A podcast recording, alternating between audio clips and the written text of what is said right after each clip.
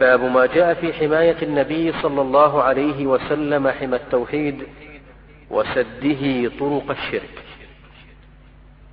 عن عبد الله بن الشخير رضي الله عنه قال انطلقت في وفد بني عامر إلى رسول الله صلى الله عليه وسلم فقلنا أنت سيدنا. فقال السيد الله تبارك وتعالى. قلنا وأفضلنا وأعظمنا طولا. فقال قولوا بقولكم أو بعض قولكم ولا يستجرينكم الشيطان. رواه أبو داود بسند جيد. وعن أنس رضي الله عنه أن أناسا قالوا يا رسول الله يا خيرنا وابن خيرنا. وسيدنا وابن سيدنا. فقال يا أيها الناس قولوا بقولكم ولا يستهوينكم الشيطان. أنا محمد عبد الله ورسوله. ما أحب أن ترفعوني فوق منزلتي التي أنزلني الله عز وجل.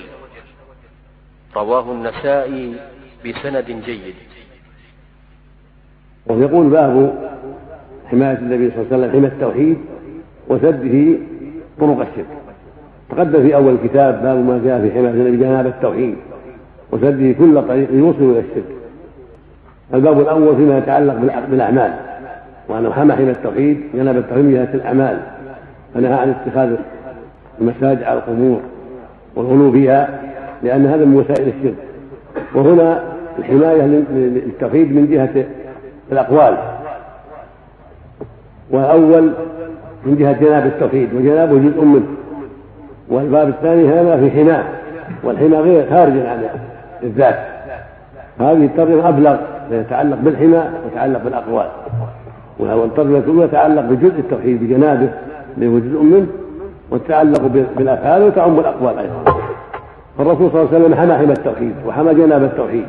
أقوالا وأعمالا عليه الصلاة والسلام حمى جنابه يعني حمى ذات التوحيد وحمى حماه من جهة القول والعمل. حتى لا يقع الناس في الشرك وحتى لا يدنوا منه ولا يطلبوا منه. وهذا من كمال البلاغ من كمال البلاغ وكمال البلاغ. أن يكون الداعي يحذر من الشرك ومن وسائله وذرائعه الموصلة إليه. يقول عن عبد الله بن الشخير وعبد الله بن الشخير صحابي من بني عامر. أتى في وفد بني عامر إلى النبي صلى الله عليه وسلم فقالوا له حين خاطبوه يا سيدنا.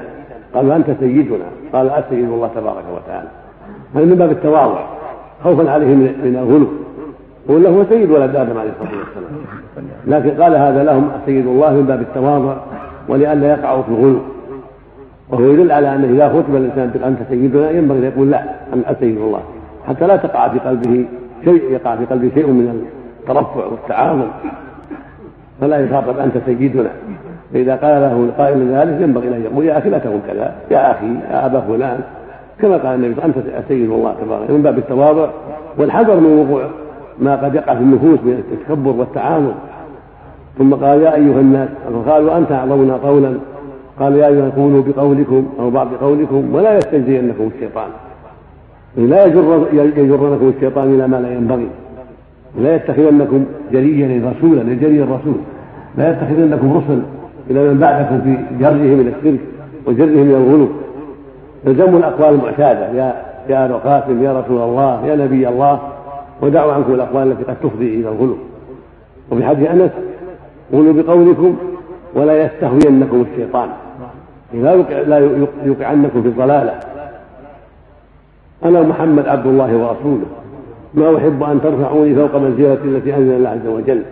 فإن الله قال يا أيها الرسول يا أيها النبي قد الذي اصاب بعبده الحمد لله أنزل على عبده الكتاب فيقال يا رسول الله يا نبي الله يا عبد الله ورسوله ونحو ذلك. والمقصود من هذا سد الذرائع التي قد توصل الناس بالتساهل إلى الشرك. فإنهم إذا قالوا له أنت سيدنا وأتوا بالألفاظ الكثيرة التي يأتي بها الناس الآن من الغلو قد تجرهم إلى أن يعبدوه من دون الله ويدعوه ويستغيثوا به.